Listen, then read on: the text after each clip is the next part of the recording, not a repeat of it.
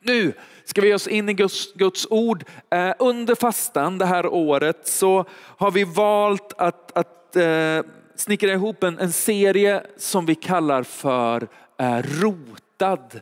Vi vill försöka ge oss lite verktyg, lite tankar, lite koncept för hur vi gör resan av att bli mer eh, rotade i, i Jesus först och främst. Det är resan vi allt Jesus. Jesus först och främst, det är resan vi alltid behöver göra, eller hur? Närmre Jesus, tillbaks till Jesus, ett nytt möte med Jesus. Men också in i gemenskapen närmre varandra. Kommer ni ihåg förra året så hade vi ett par spikar som vi slog på. Vi sa närmre Jesus, närmre varandra och närmre andra. Jag tror egentligen bara att vi har tagit det där och så har vi klätt i nya ord och så gör vi det en gång till. För det är fortfarande sant och fortfarande viktigt och nödvändigt för oss att vi på något sätt lutar in emot det som är centrum av, vad vi tror att Gud vill göra i oss och på den här platsen. Och idag så skulle jag vilja prata om generositet, att leva generöst. Och, och bli inte oroliga, ekonomin är stabil. Det finns fortfarande utrymme för fler som är med och ger, men det är inget liksom dolt kollekttal. För generositet är inte att vi hjälps åt med våra ekonomiska åtaganden. Det är att ta sitt ansvar. Generositet är att leva livet på ett sådant sätt att andra människor blir välsignade av att vara i min närhet. Det är liksom någon sorts möjlig definition. Generositet börjar inte i plånboken utan i hjärtat. Det är insikten om att allt kommer från Herren och till slut så tillhör allting Herren. Och min uppgift är att förvalta det som har blivit mig givet på ett sådant sätt att det blir Gud till ära och till människors räddning. Så här står det i Jakobs brev kapitel 1 och vers 17. Allt det goda vi får och varje fullkomlig gåva är från ovan. Det kommer ner från ljusens far som inte förändras eller växlar mellan ljus och mörker. På olika sätt så tänker jag att vi alla är rikt välsignade. Och den välsignelsen är för oss att, att njuta av. Livet är rätt gött ibland, eller hur? Amen, Gabriel. Er andra, att ni skulle få uppleva lite mer välsignelse. Så ni får vara lika positiva som Gabriel. Eh, under julledigheten så hade jag eh, dels bara lyxen av att kunna ta ut lite julledighet, vilket var fantastiskt välgörande. Jag hade möjligheten att tillbringa tre stycken nätter ute vid olika tillfällen och då känner jag mig välsignad. Det är inte allas liksom erfarenhet av att vara välsignad, men, men fredag till lördag förra veckan va? Eh, så, så sov jag en kompis ute och, och, det är så kallt du vet så att det liksom fryser i näsan lite när man andas in. Eh, och då känner jag mig rikt välsignad. Tänk vilken möjlighet det är att bara få vara ute och njuta av skapelsen på olika sätt så, så är vi alla rikt välsignade och den välsignelsen är för oss att njuta av men också för att ge frikostigt av. Och när vi pratar om generositet idag så skulle jag vilja prata om generositet utifrån tre olika områden. Så har du tänkt att somna så är det här de tre punkterna som du liksom kan svara med när någon frågar efteråt vad handlade predikan om? För det är det svåraste, eller hur? Vad handlade det om? Generositet i vårt givande. Generositet i våra relationer och generositet i vår tro. Så de tre är det du behöver komma ihåg om du har tänkt att eh, ta en liten mikronapp nu. Givande relationer och tro. Vi går till Matteus evangelium kapitel 6 och vers 19. Då står det så här. Samla inte era skatter på jorden där rost och mal förstör och tjuvar bryter sig in och stjäl. Samla era skatter i himlen där varken rost eller mal förstör och där ingen tjuv bryter sig in och stjäl. För där din skatt är, där kommer också ditt hjärta att vara. Jag tänker att startpunkten för all generositet är insikten om att du och jag är på genomresa. Hoppet om himlen är linsen vilken genom vi värderar allt runt omkring oss och om det som vi har är mindre värt än vårt eviga hopp så gör vi klokt i att inte hålla för hårt i det som inte består. Att himlen är vårt hem är en nödvändig insikt för våra hjärtan att drabbas av. För jag tänker att om jag svajar i mitt hopp så blir min instinkt att ta hand om mig själv, eller hur? Någon måste ju ta hand om Alfred. Men om Jesus har gett mig en framtid och ett hopp så kommer varje motgång och varje lidande till slut väga lätt i jämförelse med den härlighet som väntar mig. När jag samlar till mig själv, när jag håller hårt i det som jag upplever som mitt, så är det kanske ett symptom på att hoppet om himlen har blivit lite dunkelt. Jag blir helt enkelt tvungen att skapa min egen trygghet när tryggheten kring vart jag är på väg är frånvarande. Hänger ni med? Det är någonting med att mitt hjärta ytterst sett får vila i att himlen är mitt hem. Jesus har räddat mig, han har frälst mig till evigheten och därför så måste inte jag liksom samla på hög det som ändå kommer förgås. För min stora skatt är att det är väl med min själ. Eller hur? Att samla sina skatter i himlen är inte ett eh, andra pensionssparande för livet efter detta. Att samla sina skatter i himlen är att leva med en medvetenhet om att vårt eviga hopp, om vårt eviga hopp på ett sådant sätt att det löser mig från den fruktan som får mig att samla på hög här.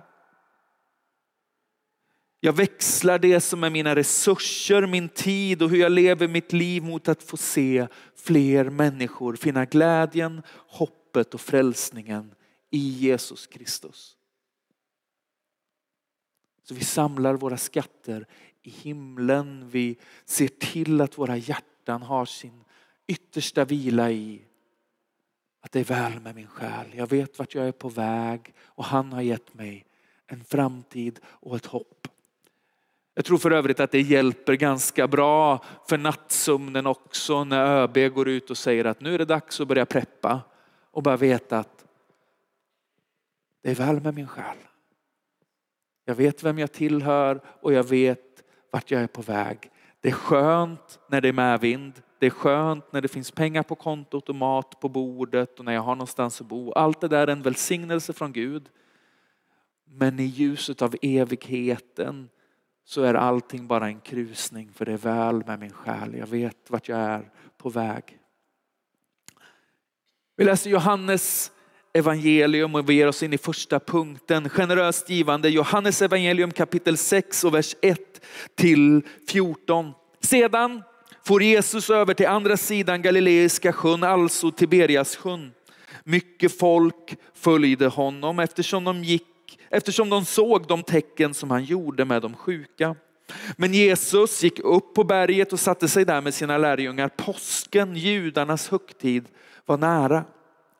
När Jesus lyfte blicken och såg att det kom mycket folk till honom sa han till Filippus, var ska vi köpa bröd så att de får något att äta? Det sa han för att pröva honom. Själv visste han vad han skulle göra. Filippus svarade, bröd för 200 denarer räcker inte för att alla ska få var sin bit. En annan av hans lärjungar, Andreas, bror till Simon Petrus, sa till honom, här är en pojke som har fem kornbröd och två fiskar. Men vad räcker det till så många? Jesus sa, låt folket slå sig ner. Det var gott om gräs på platsen och de slog sig ner. Det var omkring 5 000 män. Jesus tog bröden, tackade Gud, delade ut det till dem som var där. Likaså av fiskarna så mycket de ville ha. När de var mätta sa han till sina lärjungar, samla ihop bitarna som blev över så att inget går förlorat. De samlade ihop dem och fyllde tolv korgar med bitarna som blev över efter de fem kornbröden när de ätit. När människorna såg vilka tecken han hade gjort sa de, han måste vara profeten som ska komma till världen. Jesus förstod att de tänkte komma och göra honom till kung med våld och han drog sig undan upp i berget igen, helt ensam. Klassisk söndagsskoleberättelse, eller hur? tänker att det är ett par saker som det bara är värt att sätta ord på och lyfta ut den här förmiddagen. För det första så blir vårt lilla i händerna på Jesus något stort, eller hur? Det spelar inte så stor roll alltid hur stort det jag har är. Men vart jag placerar det spelar roll. Att leva generöst är att leva med förskjuten förtröstan. Jesus, du får göra någonting med det här. Du får ta det här och så får du se till att det räcker till det som du har tänkt. Jesus visste redan vad han skulle göra. Eller hur? Det lilla var fortfarande allt pojken hade. Det var någonting i hans hjärta som hade förstått att det som egentligen bara räcker till mig kommer påverka skarorna på något sätt i händerna på Jesus. Dagligt bröd i händerna på livets bröd, eller hur? Jesus utmanar våra, våran benägenhet att se på våra omständigheter enbart med mänsklig vishet. Jesus vet vad han ska göra. Allt är möjligt för den som tror. Att vara generös med sina resurser, vare sig det är pengar, förmågor eller tid. För jag tänker att en del har det lite knapert, men tid har vi lika mycket av allihop. En del har väldigt mycket att göra, men du är väldigt bra på en del specifika saker som du kan vara generös med. Oavsett om det är pengar, förmågor eller tid så är inte att pliktskyldigt nå upp till en satt nivå, ni vet så här, nu har jag gett mitt tionde, nu är Jesus nöjd. Det är inte att leva generöst. Att leva generöst är att leva sitt liv med förväntan på att det som jag har i min hand, oavsett om det är mycket eller lite, kommer välsigna fler i Jesu händer. Hänger ni med på det? Det är inte alltid vi känner så här, tanken, vad välsignade de kommer bli av att jag kommer till kyrkan idag. Eller att jag är med i den här hemgruppen. Eller att jag kliver in i barnkyrkan. Eller att jag är med på Café Liv. Men om det där lilla läggs i Jesu händer så förmår han att göra någonting fantastiskt med det som han har lagt ner i dig. I hans händer så är du dynamit. Men det börjar med att på något sätt förskjuta förtröstan. Jesus här, jag ger det till dig och så litar jag på att du förmår att göra långt mer än vad jag kan förstå, tänka eller ana. Orkar ni? Markus evangelium kapitel 12, vers 41. Jesus satte sig mitt emot offerkistan och såg hur folket la pengar i den. Många rika gav mycket. Där kom också en fattig änka och la i två små kopparmynt, ett par ören. Då kallade han till sig sina lärjungar och sa dem, det här är bara Ibland behöver man måla upp en scen i huvudet. Då kallade han till sig sina lärjungar. Det är någonting i det här som väcker, rör vid Jesu hjärta och rör vid hans liksom förundran så mycket att han säger grabbar, kom för det här behöver vi prata om nu. Här finns ett teaching moment liksom att ta tag i. Då kallade han till sig sina lärjungar och sa till dem, jag säger er sanningen. Den här fattiga änkan gav mer än alla andra som la något i offerkistan. Alla andra gav av sitt överflöd men hon gav i sin fattigdom allt hon hade att leva på. Generositet är inte handlingar och gåvor över en viss storlek eller summa. Generositet är längtan efter att ge något som rör vid Jesu hjärta och som drar till sig hans uppmärksamhet. Generositet är inte en lyx för dem som har allt. Det är sättet vi utmanas att leva våra liv oavsett vad vi har. Ytterst sett så är det inte en handling utan en attityd. Allt jag har tillhör Jesus. Det betyder inte att du ska sälja lägenheten, ge bort bilen, tumma kontona och tänka att Jesus kommer nog imorgon så jag behöver inte vara ansvarsfull. Men det är någonting i attityden av att allt det här som jag är välsignad med är för mig att njuta av men också för mig att vara med och utbreda Guds rike. Jag har det till låns för att andra ska få se honom. Så vi lever i generöst givande. För det andra så tänker jag att vi utmanas att leva i generösa relationer. Första Petrus brev kapitel 4 och vers 7 säger så här. Slutet på allting är nära. Det känns så lite mer den här veckan, eller hur? Än vad det gjort ibland. Slutet på allting är nära. Var därför kloka och nyktra så att ni kan be. Framförallt ska ni visa uthållig kärlek till varandra, för kärleken överskyler många synder. Var gästfria mot varandra utan att klaga. Att leva i gästfrihet och kärlek är direkt kopplat till att Jesus kommer snart. Eller hur? Det har med utbredandet av Guds rike att göra. Och så säger Jesus, eller så säger är det Petrus som skriver, va? spelar ingen roll, så säger Bibeln. Var uthålliga i kärlek. Varför ordet uthålliga? Jag tänker att det är för att människor inte alltid är så enkla, eller hur? Att vara uthållig kräver att det finns en utmaning. Jag säger aldrig till min fru, liksom, Åh, skulle du ha lust att vara uthållig och hämta ett glas vatten i köket? Det är ingen jättebedrift, det är snällt. Men det är ingen prestation. Vi lever på 95 kvadrat. En del bor större och då kanske det börjar närma sig någon sorts prestation. Men hos oss så är det nästan så att man sitter i soffan och sträcker ut handen. Liksom. Men när vi är ute och springer några gånger per år tillsammans och jag säger vad duktig du är, kämpa lite till. Du vet, då, då kallar jag på hennes uthållighet, eller hur? För nu håller vi på någon, med någonting som kräver lite beslutsamhet. Så när Bibeln säger var uthålliga i er kärlek så säger han, jag vet att det inte är så enkelt. Jag vet att folk kan vara ganska besvärliga. Jag vet att relationer är stökiga. Jag vet att det kostar på så var uthålliga, var lite envisa i hur ni närmar er varandra. Vi väljer att leva liv som är generösa mot varandra. Vi öppnar våra hjärtan och vi öppnar våra hem. Var gästfria mot varandra utan att klaga. Jag tänker att som kyrka så behöver vi hela tiden vara generö, gener, Generösa, tack. Det var liksom ingångsljudet som, som, som strulade för mig. Generösa. Vi behöver vara generösa med det som vi har fått att förvalta, med, med vår ekonomi, med våra talanger, med våran tid.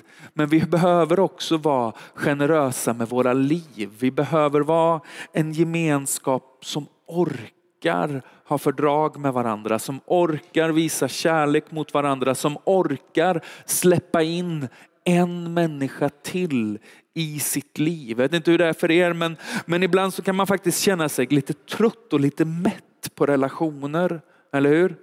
Men jag har de relationerna som jag behöver. Det finns liksom inte space för mer i mitt hjärta. Och då behöver jag nog vackert bara be Gud, Gör någonting med mitt hjärta, liksom. utvidga det igen. För det finns fler människor som förtjänar och behöver bli älskade, som behöver få bli hembjudna, som behöver få bli insläppta, dragna in i gemenskap med Jesus Kristus men också med hans församling. Vi behöver leva i generösa relationer. För det tredje så tänker jag att vi behöver leva med en generös tro. Matteus evangelium kapitel 10, vers 5. Dessa tolv sände Jesus ut och han befallde dem, gå inte bort till hedningarnas område eller in i någon samarisk stad. Gå istället till de förlorade fåren av Israels hus. Där ni går fram ska ni predika, himmelriket är nära bota sjuka, uppväck döda, gör spetälska rena och driv ut onda andar. Det ni har fått som gåva ska ni ge som gåva. Häng med nu för det här tänker jag har en poäng. Generositetens centrum är inte hur mycket jag delar av mina ekonomiska resurser till den som har det sämre ställt, utan hur frikostigt jag delar hopp i Jesus till den som inte hört. På samma sätt är också den snålaste människan den som har ett hopp men håller det hemligt.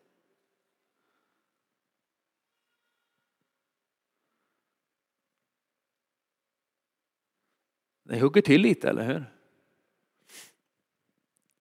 Den snålaste människan är den som har ett hopp men som håller det hemligt. Den största gåvan som du och jag har fått är frälsningen. Den största förmögenhet vi har blivit anförtrodda att förvalta och förmedla är vårt eviga hopp. En generös gemenskap är en gemenskap som vet att allt är en gåva från Gud. Den enda som, den enda som kan frälsa är Jesus. Att Jesus kommer snart, att himlen är vårt hem.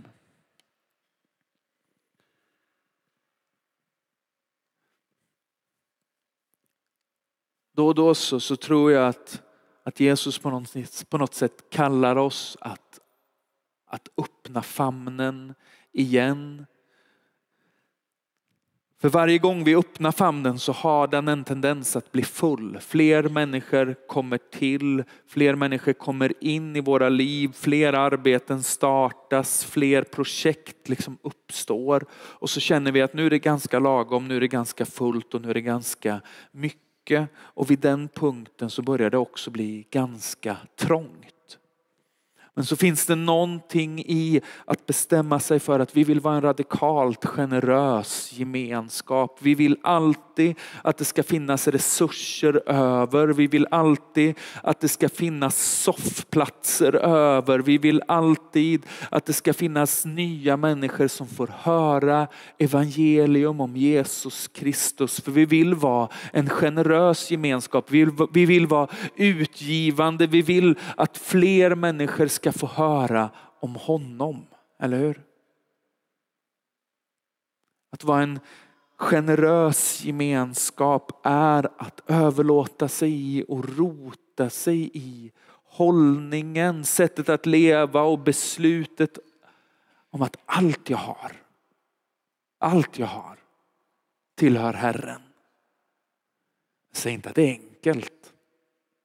Jag lovar dig att vi kommer misslyckas. Jag lovar dig att det kommer kicka in impulser, idéer och bekvämlighet som får oss att misslyckas förmodligen innan klockan har blivit två idag. Men det förändrar inte att hållningen vi behöver leva med och återvända till är att allt jag har och allt jag är tillhör Herren. Och så överlåter vi oss till att gång på gång överlåta oss till den resan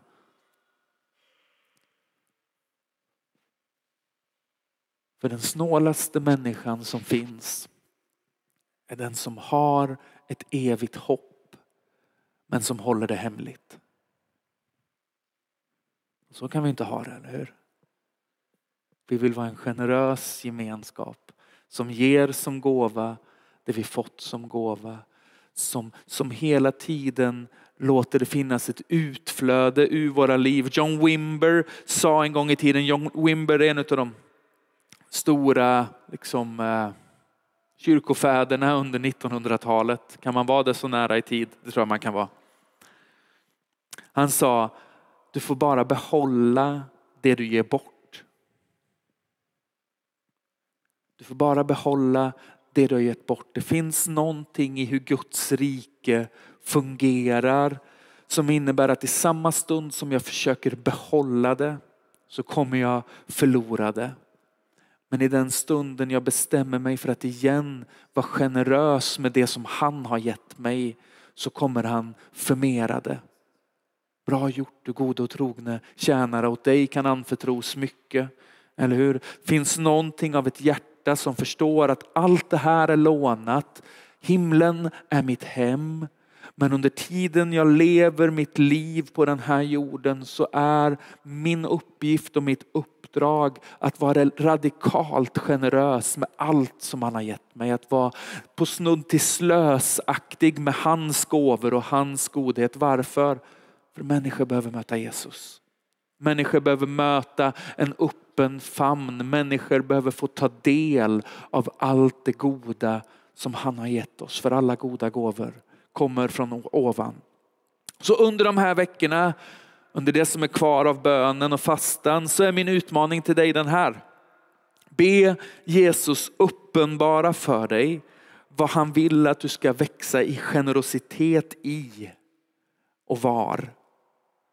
Och när du vet det så be att, be att Guds ande gör dig radikalt generös, smittsamt generös, generös på ett sådant sätt att Gud blir ärad och att människor blir räddade.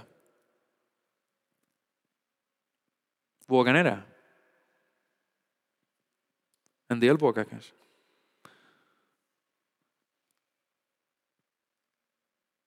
Men när vi söker oss inåt mot mitten på något sätt, när vi, när vi söker Gud för det här året, när vi, när vi avsätter tid för att börja med att vänta på att han ska tala,